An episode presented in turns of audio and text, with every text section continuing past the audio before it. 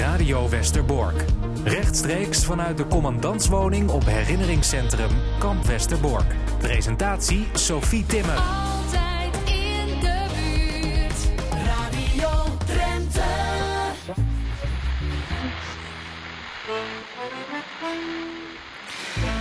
Je luistert naar de podcast van Radio Westerbork. En in deze uitzending praten we over opgroeien in een verzetsgezin. Kinderen van toen zijn nu te gast.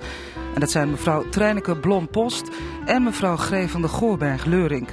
Guido Abuis is er ook. Hij werkt bij het herinneringscentrum.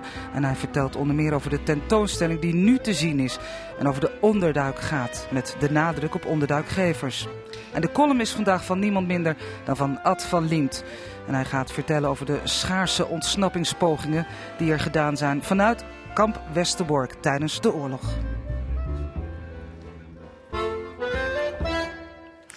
Ja, en ik zei net al uh, in het lang jullie namen, uh, maar uh, als ik zeg uh, mevrouw Post, Treineke Post, ja, dan weten mensen misschien wel meteen wie ik bedoel. Hè? De dochter van Johannes Post, een van de kinderen uit het grote gezin.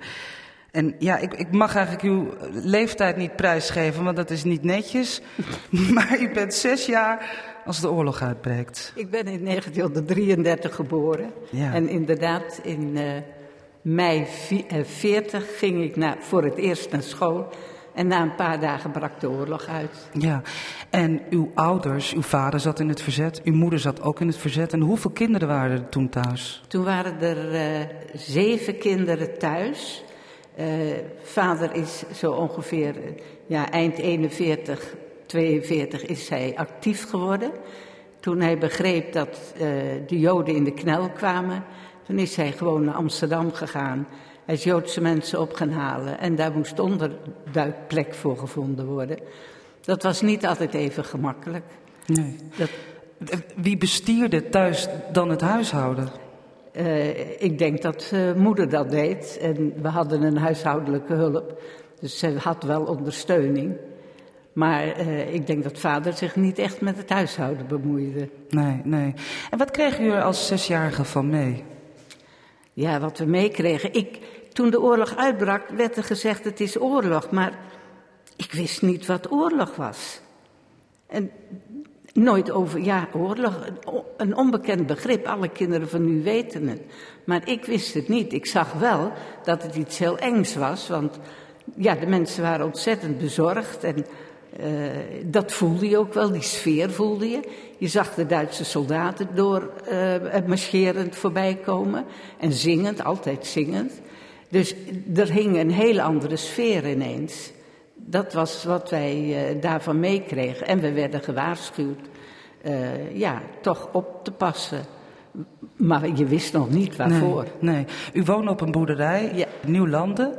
Uh, uw vader was ook nog wethouder geweest, maar op een gegeven moment gaat hij helemaal volledig het verzet in. En dat, dat neemt ook al zijn tijd in beslag. Ja, hij gaat volledig in, in het verzet.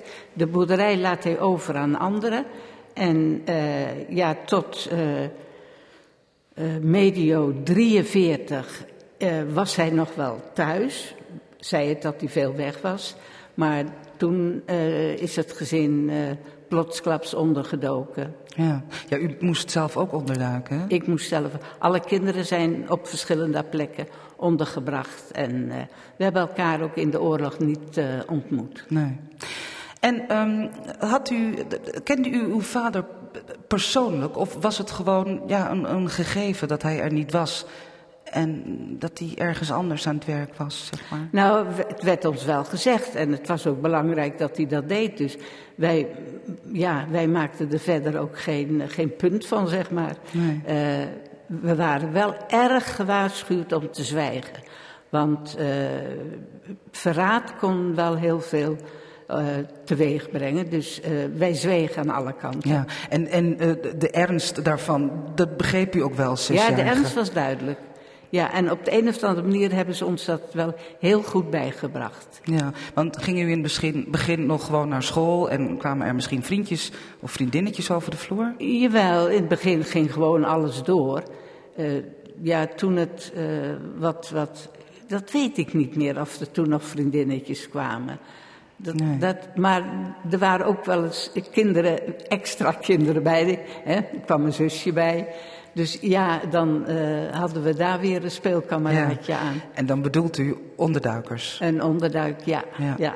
komen we zo meteen nog eh, uitgebreid over te spreken. Ik ga naar eh, mevrouw van der Goorberg, die geboren werd als Geesje Leurink. Klopt. Ja, nu bent u Gree, toen was u Geesje. Een gezin van vier kinderen, ook, ook een redelijk groot gezin. U had twee broers Ja. en een zus. En uw ouders die waren, eh, eh, waren ook redelijk snel actief in het verzet, hè? Ja. In Bolsward eh, Ja, ja, ja, was dat. Eh, als ik mijn verhaal vertel op school, dan laat ik meestal een foto zien. En eh, tegenwoordig hebben ze een USB-stick en dan stop je dus, en dan kan je het heel groot zien. Hè? Dan krijgen de kinderen ook gelijk een beeld van, hé, hey, andere kleren, ouderwets. Maar was jij nog zo klein? Hoe kan jij dan in vredesnaam een verhaal vertellen over de oorlog als je zo klein bent? Ja, Maar dan vertel ik altijd, eh, ja, als je op die leeftijd bent. Ik ben van 1938 en eh, in 1942 kregen wij onderduikers. Maar je ziet als kind wel alles, je hoort alles, je snapt niet alles, je voelt spanning. Eh, waarom zitten grote mensen te huilen? Je snapt er helemaal niks van. Toen de oorlog voorbij was, toen was het net of de puzzelstukjes in elkaar vielen van... Oh, dat was het, zo zat het in elkaar. Dus ik heb eigenlijk na de oorlog nog veel meer dingen ineens begrepen dan Ja. in die oorlog. maar, maar zoals, eh, ehm, ik, ik moet Treineke zeggen, Eh, zoals uh, Treineke zegt, ze was wel doordrongen van de ernst. Ja, Dat was u als, als, als klein meisje ook. ja eh, mijn ouders kwamen oorspronkelijk, en mijn twee broers ook, die kwamen oorspronkelijk uit Kampen, Overijssel. En eh, daar hadden we ontzettend grote familie. Dus toen er bij ons onderduikers kwamen, en die werden voorgesteld als opa, oom Piet, tante Annie. En ja, dan, dan, dan denk je, oh dat is zeker uit Kampen, want die zag je natuurlijk in de oorlog ook niet zoveel. Dan ik, ja, dat is, dat is familie, die heb ik niet zo vaak gezien. Hè? Totdat mijn vader zei, wacht even, hè? dit is niet een echte oom en tante, dit zijn Joodse onderduikers. En denk erom, als jullie hierover gaan praten, nou, dan worden we met z'n allen wel uit huis gehaald en waarschijnlijk doodgemaakt. Dus eh, mondje dicht. Ja. En dan had ik een zus en die was ja, niet zo erg eh, slim. Die ging naar de buren toe en die vertelde aan de buurvrouw: Wij hebben logiers. En gelukkig was dat een betrouwbaar iemand, dus die kwam ons vlug waarschuwen van... eh joh, hebben jullie onderduikers, hoe kom je daar nou bij? Ja, Marie vertelt dat, weet je wel. Nou, die hebben natuurlijk goed op de duvel gehad. Want eh, ja, Ja. toen beseften ze ook wel dat, dat- het levensgevaarlijk was om erover te praten. Ja. Zometeen eh, dan eh, gaan we eh, wat, wat, wat, wat doorpraten ook over die tijd en ook over de achtergronden van jullie ouders. Want wat jullie ouders gemeen hebben is dat ze dat ook deden vanuit een, een rotsvast geloof. Hè? Ja, en ik hoorde dat jouw vader ook wethouder was. Die van mij was het ook. Dus die hebben ook nog. Ja. Jullie hebben elkaar nog niet eerder ontmoet? Nee, nee. Eh, Guido Abuis, herinneringscentrum Kamp Westerbork. Op dit moment is bij jullie een tentoonstelling te zien eh, vanuit het perspectief van de onderduikgevers. Hè? Dus mensen die onderduik boden. Ja, in, in het kader van het eh, jaar van verzet zijn we begin dit jaar begonnen met een expositie onder de titel Verhalen uit de Onderduik. Toen lag de nadruk vooral op de verhalen van de onderduikers. Ehm, die worden nog steeds verteld in de expositie, maar we leggen nu meer het accent ook op de onderduikgevers. En een van die dingen waar ik op zoek naar was, was eh, van wat is nou de motivatie geweest van onderduikgevers om dus onderduikers in huis te nemen. En dat is een hele lastige. We hebben zelf Yad Vashem benaderd, ehm, om want die doen dus onderzoek in het kader van eh, het geven van onderscheiding aan onder, onderduikgevers. Van, hebben jullie in je rapporten, heb je dat dan ook zoiets, een, eh, dat je kan vertellen wat nou de motivatie van die mensen is geweest? En ze zeggen van, ja, het probleem is dat toen ze natuurlijk met die onderscheidingen begonnen, Jullie ouders waren al volwassen, ruim volwassen mensen toen, eh, toen de oorlog begon. Dus die leven vaak niet meer. Dus dat is dan vaak uit tweede hand. Ja, waarschijnlijk uh, uh, hebben mijn ouders dat gedaan omdat ze het onrechtvaardig vonden. Of uh, om een mens in nood te helpen. En dat soort standaard antwoorden krijg je dan. Of uit christelijke overtuiging. Een enorm risico natuurlijk, hè? Ook door ja, te doen. maar ik, ik denk dat in, in eerste instantie mensen ook geen flauw benul hadden waar ze aan begonnen. Ook, ook zij die bijvoorbeeld in onderduik gingen, wat was nou onderduik? Uh, het hele begrip onderduik was onbekend. Um, dat moest nog. Uh, ja, dat, dat, moest, dat begrip moest nog beschreven worden, maar men had totaal geen idee van wat, wat het inhield in de ja. praktijk. En dat geldt zowel voor de onderduikers, dat geldt zowel voor de onderduikgevers, maar vooral ook natuurlijk de gezinsleden uh, van de onderduikgevers. Ja. Ja, en dat hebben we net al gehoord. Met aan tafel ook mevrouw Treineke Blompost. Ik mag Treineke zeggen. Ja, is me wat hard gedrukt, dus dan doe ik dat. Um, zeg, de onderduikers, hè. jullie, uh, uw, uw, uw, vader, uh, nou ja, die, die was actief in het verzet, hielp uh, mensen aan onderduikadressen, maar jullie eigen woning was ook een onderduikadres. Ja, het was een komen en gaan van mensen. En uh, ja, soms uh, was er een zusje bijgekomen voor een poosje. Maar lang bleven onderduikers nooit bij ons, want het was te gevaarlijk. Ja, hè? Ja. Omdat jullie huis te zichtbaar was? Of omdat nou, nee, ik denk dat vader al te bekend was en uh, had zich inmiddels ook een uh, afgerichte politiehond aangeschaft om zichzelf te beschermen. Dus er loerde gevaar aan alle kanten. Ja, jullie waren te zichtbaar wat dat betreft. Ja, wat dat gaat ja. waren we te zichtbaar. En het was al te bekend wat vader ja. deed. Dan nam hij ook wel een groot risico. Uh... Hij nam inderdaad een groot risico, ja. ja maar hij heeft er echt voor gekozen. Maar hoe ging dat dan? Uh, er kwamen mensen in huis, dan moest je als kind gewoon je mond overhouden. Ja, het gebeurde gewoon. Je werd als kind. Kinderen worden nu overal meer bij betrokken. Wij werden vroeger niet bij, ergens bij betrokken. Uh, en uh, je nam het allemaal voor kennisgeving aan. Je stelde ook eigenlijk geen vragen. Nee. En uh, nou ja, oké, okay, het was zo. Dat had ook met opvoeding te maken. Had met opvoeding je, je te deed maken. wat je verteld Precies, werd. Punt. Ja. Ja. ja. En alle kinderen gedroegen zich daar ook daarnaar. Kinderen gedroegen zich er ook allemaal naar. Ik kan me ook niet voorstellen dat het ooit tot uh, problemen heeft geleid. Nee. Op een gegeven moment moeten jullie zelf uh, de onderduik in. Hoe is dat gegaan en waarom was dat eigenlijk? Nou, vader die uh, was in de val gelokt met zijn koerierste Thea, een Joodse vrouw die inderdaad bij ons ondergedoken was. En uh, toen is hij bevrijd. Een politieagent heeft, hem, heeft de celdeur opengezet. Thea kon niet uh, wegkomen, want zij was nogal uh, gewond geraakt tijdens de vlucht. En uh, vader is toen vrijgelaten, zeg maar. En ja, toen moest het gezin onderduiken, want dat was natuurlijk. er zouden represaillemaatregelen genomen worden. En dat betekende natuurlijk dat het gezin ogenblikkelijk opgepakt kon worden. Ja. Dus echt hals over kop ja. het huis uitgegaan. Mag je dan wat meenemen? Uh... Niks, helemaal niks. Ik geloof dat ik uit school geplukt ben en bij een oom achter op een fiets gezet en meegenomen. Helemaal alleen? Ja, alleen. Ja. Ja, er moest heel snel onderduikplekken voor iedereen gevonden worden. Het was, het was paniek. Ja, dat, dat lijkt me verschrikkelijk als je dat als kind overkomt. Ook dat laat je over je heen komen. Ik heb me dat nooit zo gerealiseerd. Dat komt pas later. Het gebeurt gewoon. Het was gevaarlijk, oké. Okay. En ja. Het is zoals het is. Het is zoals het is, ja. ja. ja maar ja, dan, dan mis je je ouders, je, je mist je dat, huis. Dat is natuurlijk een, een gevolg wat uh, veel meer consequenties heeft dan dat je van tevoren kunt bedenken. Ja. Is er ook iets wat u het allerergst vond? Of, of is dat ook iets wat je eigenlijk niet kunt vragen en wat je pas later, uh, zeg maar, waar je pas later over nadenkt? Wat vond ik het.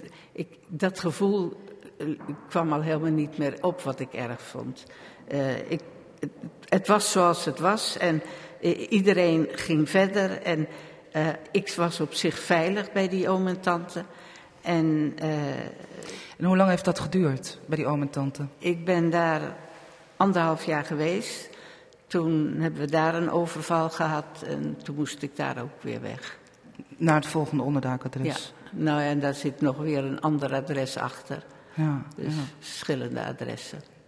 En u zei het al, ehm, ja, vader kroop meerdere malen door eh, het oog van de naald. Hè. Veel mensen kennen natuurlijk ook het boek, eh, de verhalen. Op een gegeven moment gaat het mis. Mag ik daarna vragen hoe dat thuis eh, ging? Ja, ja, dat werd mij verteld.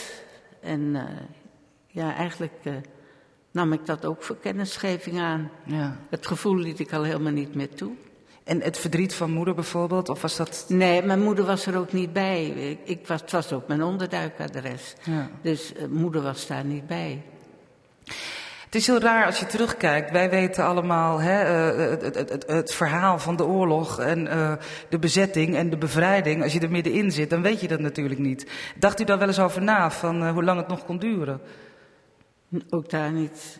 Nee, het, het was net alsof er een, een, vernauwing had plaatsgevonden. Eh, je denkt niet meer door. Eh, het, het, eh, het was problematisch. En, en je wist ook niet hoe, hoe het verder zou gaan. Nee, nee. Guido, ehm, ik ga nog even met jou eh, verder over eh, eh, die onderduik. Hè? De- de- de- de- want, want hoe zaten ze bijvoorbeeld bij jullie in huis? Was het gewoon in een kamer of was dat afgesloten ruimte? Ja? Nou, ze zaten in ieder geval goed Ja, ze zullen wel in, een, een, even in een kamer geweest zijn. Maar ook vaak op, op eh, schouwplekken. Maar vraag niet waar die schouwplekken waren. Want Nee. dat werd ons niet verteld. Nee, nee. Eh, Guido, eh, jullie moeten daar in het, bij het samenstellen van die tentoonstelling ook veel mee te maken hebben gehad. De meest inventieve plekken ook, waar mensen werden, eh, naartoe werden gebracht. Onder de vloer, achter de muur. Ja, ehm, en die worden natuurlijk steeds inventiever. Ehm, want, in de eerste instantie is het vaak gewoon een kamertje en eh, een zoldertje. Ehm, en er wordt wel altijd rekening gehouden met een, een, een vluchtroute. Of tenminste in ieder geval een plek waar je kan verstoppen als er inderdaad een razzia wordt gehouden. Of als er op een of andere manier een dreiging is. Maar er zijn voorbeelden van verhalen waar ehm, de plekken op een of andere manier zo goed verborgen waren. dat eh, zelfs met razzia's, zelfs die bijna 24 uur duurden. of zoektochten die bijna 24 uur duurden. dat de plekken niet gevonden zijn. Nee, maar geef eens zo'n voorbeeld dan. Wat zei je? Geef eens zo'n voorbeeld. Eh, hoe, eh, Ehm, nou, dat, dat is een, een, een voorbeeld van een soort kabinet. En achter het kabinet had je dan een soort ingang. En er was een of andere manier een uitbouw gemaakt. En dat was weer met schotten afgezet en met hooibalen.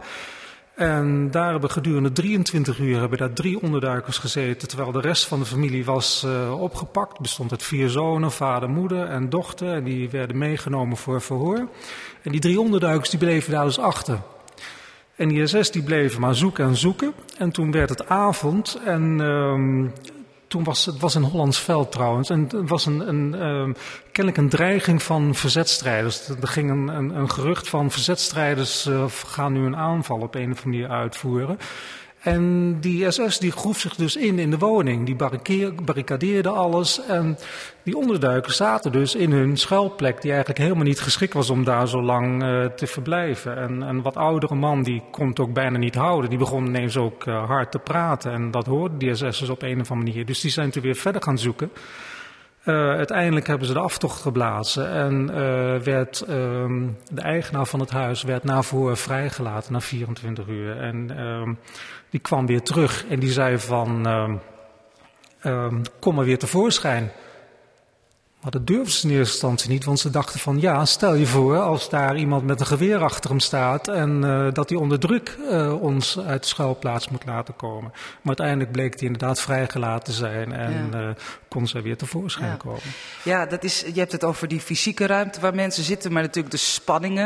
En dat horen we zo meteen ook hoe dat in Bolsward ging. Want daar liepen de spanningen tussen de onderduikers wel eens hoog op, hè? Heb ik begrepen. En eh, ja, en wat me ook eh, doet denken aan, eh, aan uw verhaal. Je weet nooit wie je kunt vertrouwen. Nooit. Dat, is, dat moet een, een, een feit van alle dag geweest zijn waar je mee leefde. Dat je niet wist, bij jullie ook toch? Ja, wij werden als kind ook heel duidelijk werd ons gemaakt van... denk erom, je praat met niemand, je weet nooit wie je vertrouwen kunt. Nee. Dat was zo erin gehamerd. Greef van de Goorberg, geboren Geesje Leuring, 1938. Uw vader was wethouder, uw ouders eh, eh, waren gelovig. En ehm, dat heeft ook een grote rol gespeeld bij hun verzetswerk. En jullie krijgen onderduikers in huis in 1942. Maar jullie woonden daar heel bijzonder, want het was Ja. een winkelpand en een huis. Ja, en daarom moet ik altijd, ja, dat kan je op afstand niet zien, maar ik moet ook aan de kinderen altijd laten zien dit. Omdat het haast niet uit te leggen is hoe, hoe, hoe dat in elkaar zit. Het is namelijk een winkel die begint in de ene straat en het hele huis loopt door tot aan de andere straat. Dus als er dus een razzia was, dan kwamen ze ook van twee, twee kanten naar binnen. Ja, dat lijkt me eh, onmogelijk, want dan kun je ook eh, moeilijker vluchten natuurlijk. Ja, precies. Ja. Zeg, en eh, waar in huis of bij de winkel werden de onderduikers dan ondergebracht? Nou ja, eh, als je het winkelpand binnenkomt, je kan zo moeilijk achter de toonbank liggen. Dus eh, hier kon je dus naar boven toe, maar dan kon je verder geen kant uit om te vluchten. Dus bij die hele lange gang kwam ik tenslotte uit bij een bakkerij. Die heb ik nooit in gebruik gezien, dus die stond helemaal leeg. En toen had een vriend van mijn vader, die had boven de oven had hij een, een, een soort van kist gemaakt. Daar kon je in liggen en daar kon je in zitten, dus absoluut niet staan. Eh daar kon je komen dus via een trap en dan boven werden dus de eh, planken eruit gehaald. Dan kon je in die kist, planken er weer op. En dat was dan de schuilplaats. Maar daar kon je natuurlijk niet de hele dag in zitten. Nee. En hoeveel onderduikers hadden jullie in huis? In de eerste instantie hadden we drie onderduikers.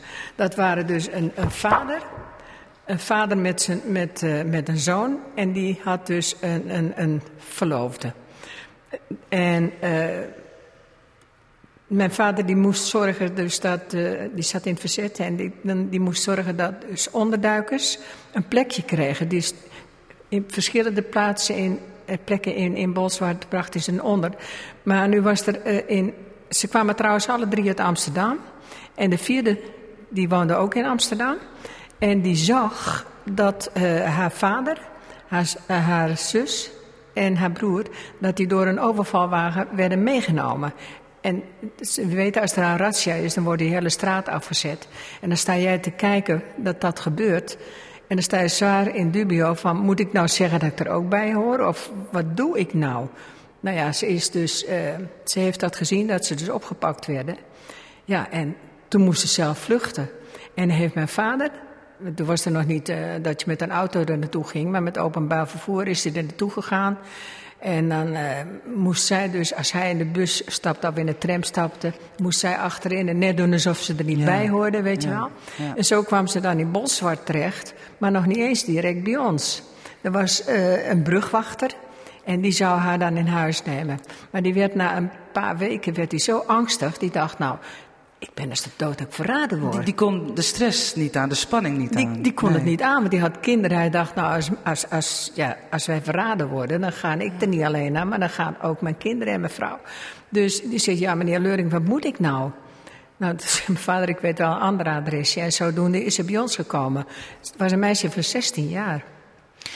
We hadden het zojuist met eh, Guido ook over eh, nou ja, dat het ook spanningen kan opleveren. Hè? Onderduikers. Zo, wat voor je? iedereen, maar ook voor de onderduikers zelf. Want wat ik begrepen heb, is dat die, de oudere meneer, dat, die noemden jullie opa, Ja. die, die kreeg het af en toe ook behoorlijk op zijn heupen. Oh, die opa, dat is, nou ja, het platweg gezegd, een, mag ik het zeggen, een rotkerel. Die, die, die, die het heel normaal vond dat, dat er voor hem gezorgd werd. Die liep te klagen over het eten. Van, ik eh, moet eigenlijk kosher eten hebben. Ja, waar haal je überhaupt eten vandaan? En laat staan dat het kosher is. En hij deed heel lelijk tegen zijn zoon. En ik had oudere broers dus. En dat deed hij voorkomen alsof een van mijn broers zat te chansen met hè, de verloofde van, van Piet. Nou, hij, hij zorgde zoveel onrust dat op een gegeven ogenblik werden ze er eigenlijk thuis een beetje gek van. En toen werd besloten om hem dan even tijdelijk naar een bejaardentehuis te brengen, want dan zou hij niet zo erg opvallen misschien. Hè? En wat deed hij dan? Hij was daar en dan zat hij naar een schilderij te kijken en zegt hij, ja, ja, ja, dat is een mooi schilderij. Weet je hoe ik dat bekijk? Ik bekijk dat op zijn Joods.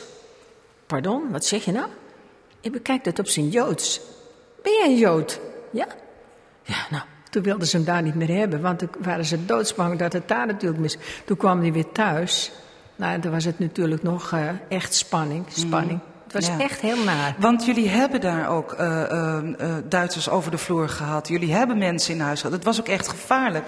Als er, hè, ik, ik, ik, ik heb iets begrepen van dat opa's kunstgebied zelfs lawaai maakte. En dat een van die broers er helemaal de auto de boter van werd. Ja, nou, het, was een vre- vreselijk minder prettige man. Hij heeft zelfs een keertje gehad, want eh, hier in het voorste gedeelte was het toilet boven. Dus als je hier, want ze kwamen ook wel gewoon in de keuken hoor, daar kom ik dadelijk op terug. Maar als ze naar het toilet moesten, moesten ze daar naartoe. En is het voorgekomen dat die opa met zijn wandelstok zijn zoon van de trap af wilde slaan. Dus zo'n zo'n rare Ja. spanning zat er in huis. Ja. Nou, u, had al verteld dat eh, net als bij, uh, bij Treineke thuis, uh, hè, je, je was op het hart gedrukt om te zwijgen. En dat lukte ook. Ja, ik heb uh, later nog eens een, een, een, brief gekregen van, uh, van Selma, de jongste.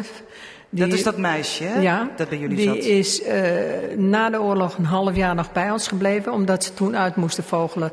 Leven die ouders nog? Nee, toen wisten ze dat ze alleen was. Ja, toen, toen moest ze dus toch nog weer terug naar Amsterdam. En ze is later getrouwd en naar Amerika gegaan. En toen heb ik een brief van haar gehad dat ze mijn zus en mij bedankte dat wij als kleine kinderen ook ons mond hebben kunnen houden. Dus ja. we hebben ook ons leven aan jou te danken. Ja. ja. Zometeen dan praten we met elkaar nog hier aan tafel. Maar we gaan nu eerst luisteren naar de column van Ad van Liemt. En in zijn column vertelt hij vandaag over een kleine en een hele specifieke groep mensen. Zij die wisten te ontsnappen uit het kamp hier. En daarna gaan we luisteren naar Patricia Alexandra. Maar eerst Ad van Liemt. Onderduikers en de mensen die hen in huis opnamen. Daar gaat deze uitzending van Radio Westerbork over. Laat ik het eens over een kleine groep hebben die tot die onderduikers ging behoren. De mensen die tussen juli 1942 en april 1945 uit kamp Westerbork ontvlucht zijn.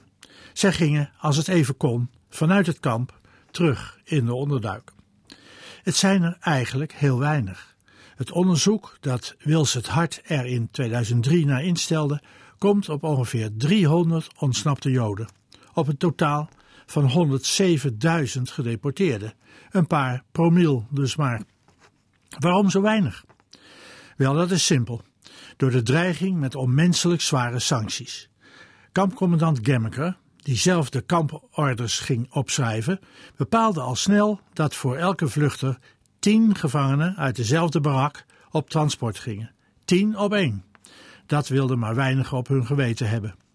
Toch bleven mensen de vrijheid zoeken. Twee maanden later al, in april, ontsnapten er twee. Ze waren kort tevoren met een transport uit Vught aangekomen dat bestond uit Joden die er heel slecht aan toe waren. Ze waren in Vught onmenselijk behandeld. Toen de tweede benen hadden genomen, haalde Gemmeke de barakleider van barak 57 bij zich en schold hem de huid vol. Hij eiste dat de barakleider zelf twintig mensen aanwees die op transport zouden gaan. Barakleider Frits Mozes weigerde dat. Hij kon dat niet opbrengen. Hij ging ervan uit dat hij nu zelf de klos zou zijn, maar er gebeurde iets anders. Commandant Gemmeker kwam persoonlijk naar de barak, blafte de mensen daar woedend af en trok toen de dekens van de Britse van twintig zieke gevangenen. Ze waren transport unfähig, konden dus eigenlijk niet vervoerd worden, maar daar trok hij zich niets van aan. Mevrouw Mozes Leu, die samen met haar man de functie van barakleider vervulde, zei na de oorlog dat Gemmeker als het ware het schuim op de mond had staan van woede. De twintig zieke gevangenen werden in het transporttrein gesmeten. Mevrouw Leu bracht ze nog wat extra dekens achterna. Drie dagen later kwam het transport aan in Sobibor.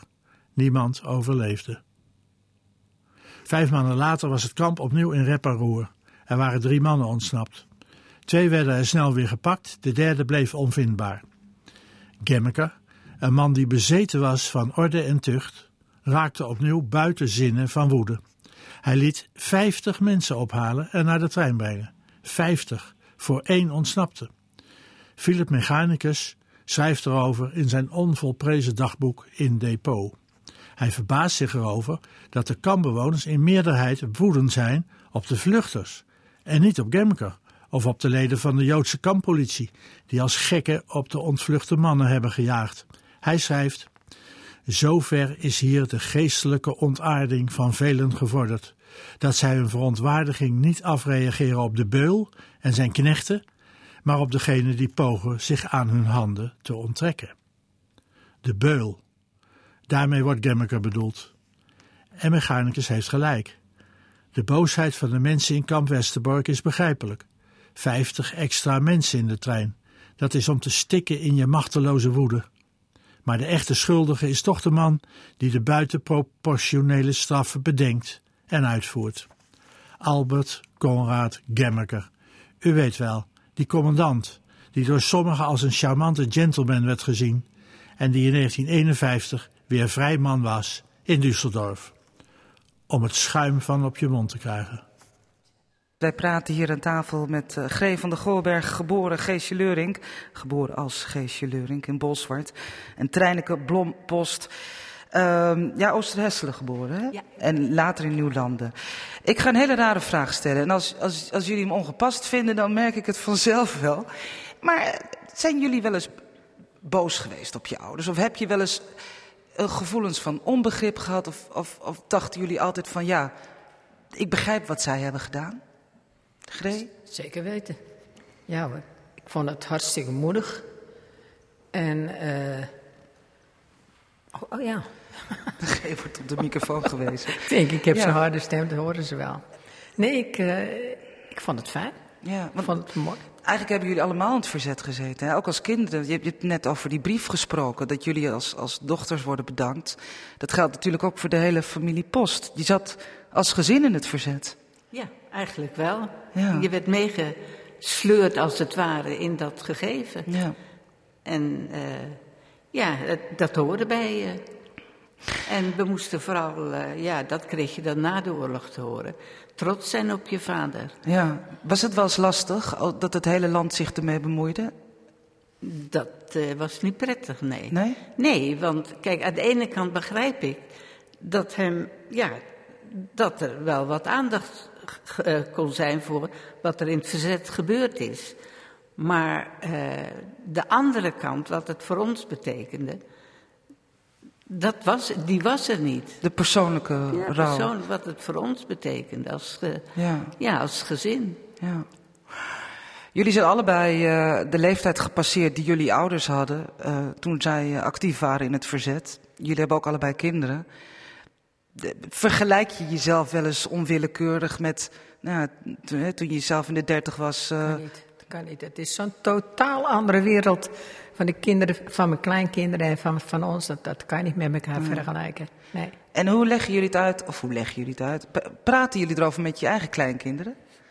Nou, bij mijn kleinkinderen heb ik het eh, op school mogen vertellen. Ja, En eh, ja, vinden ze mooi om te horen. ja maar dat, dat, dat, dat, dat dragen zij ook mee natuurlijk. Ja. Guido, eh, die tentoonstelling die tot 6 januari te zien is, eh, bevat ook een, eh, een, een, een wand met namen. Kun je het even uitleggen? Want de ouders van de dames zijn ook onderscheiden. En dit gaat ook over onderscheiden mensen. Ja, dat, dat heet dan de, rechtvaardige onder de volkeren. En ehm, in feite ehm, zijn dan, dan zeg maar de personen die in onderduik zijn geweest, die kunnen dat dan aankaarten. Die kunnen dan een, eh, bij Yad Vashem kunnen ze een verzoek indienen tot ehm, ja, een soort Ja. onderscheiding, tot een soort certificaat. Even voor de duidelijkheid, dat is in Israël. Ze houden zich bezig met eh, Ja. mensen die actief waren in het Dat verzet. bevindt zich in eh, Jeruzalem. Daar heb je een groot instituut wat zich bezighoudt met de holocaust. Met, met zowel de slachtoffers als de redders. Het is een enorm museum en daar heb je ook een speciale muur waar ook al die namen worden genoemd. En in de expositie hebben we, we hebben de namen van Yad Vashem gekregen, die hebben we bewerkt. En die zijn nu bij ons dus in de expositie te zien. En een aantal namen hebben we uitgelicht en daar hebben we dan vervolgens, eh, vertellen we het verhaal van de onderduikgever. En dat is natuurlijk een continu proces. Want terwijl wij die namen op de wand hebben geplaatst, zijn er ondertussen alweer nieuwe onderscheidingen gegeven. En dat is niet alleen voor Nederland, dat is eh, wereldwijd. Ja, dat maar gaat betreft maar dus door. de bezette gebieden, voormalig Dat, bezette dat gaat, gebieden. en dat gaat ook maar door. Ja, dus, hè, en, en ook tijdens eh, vele interviews die ik heb gedaan, eh, word je nog steeds geconfronteerd ook met verhalen. En dan vraag ik wel eens van, is ooit deze persoon onderscheiden door Yad Vashem? En dan zeggen ze nee. Maar er is ook niemand die dit verhaal heeft aangekaart. Dus er zijn nog talloze voorbeelden van uh, personen die ja. uh, best nog wel aandacht mogen hebben. Wat betekent het voor jullie dat jullie ouders onderscheiden zijn? Uh, mijn vader was in de, toen mijn moeder onderscheiden werd, was mijn vader al overleden. Maar ik ben met, eerst met mijn zus ben ik naar Amerika gegaan, waar de jongste Selma. Daar, Selma ben ik dus naar Amerika gegaan. En toen ben ik naar het Holocaustmuseum gegaan. Wat je daar ziet is verschrikkelijk. Maar wat voor mij heel mooi was, op de begane grond was een hele grote plaquette. En daar stonden de namen van mijn vader en moeder op. Nou, dan ben je super trots natuurlijk. En dan merk je ook dat in kleinere uh, oorlogsmusea, dat dat, kom ik dat ook tegen. En dan denk ik, hé, hey, frek, mijn vader en moeder. Ja, ja, ja. De, de, de, mevrouw Blompost, Treineke, dat ervaar je ook zo? Ja, ja moeder die heeft de Yad Vashem onderscheiding geweigerd. Ze is na de oorlog wel een keer door een Joodse vrouw, uh, heeft zij een reis naar Israël aangeboden gekregen. En daar heeft ze alle eer ontvangen die ze, zeg maar, zou kunnen ontvangen. Dat heeft daar erg goed gedaan. En eigenlijk heb ik toen als kind uh, ook iets gehad van, het lijkt wel of zij uh, daar de erkenning kreeg die hier, ja, nog niet aanwezig was. Hè? Want dat was ook een bewustzijn wat later pas opkwam van, ja, er moet ook erkenning komen. Maar moeder ging eigenlijk, ja, was, het ging altijd om vader, niet om haar. En uh, zij heeft ongelooflijk veel gedaan, alleen het kreeg nooit naam. Nee. Ik had zo graag met jullie verder willen praten, hè? ook over uh, hoe, hoe dat ging na de oorlog, dat je de draad oppakt. En met Guido, maar het kan niet, want de tijd zit erop. Het is niet anders. Ik vond het ontzettend fijn dat jullie hier waren. Uh, Blompost en uh, Greef van de Goorberg. En dan zeg ik er maar achteraan geboren Geesje Leuring. Want ja, hè, het zijn toch andere namen. En Guido Abuis natuurlijk. De uh, expositie is hier te zien tot 6 januari 2019. Je luisterde naar de podcast van Radio Westerbork. Luister ook eens naar de podcast van Drenthe Toen. Of van Cassata. Of de Sportcast. En geef ons dus een sterretje.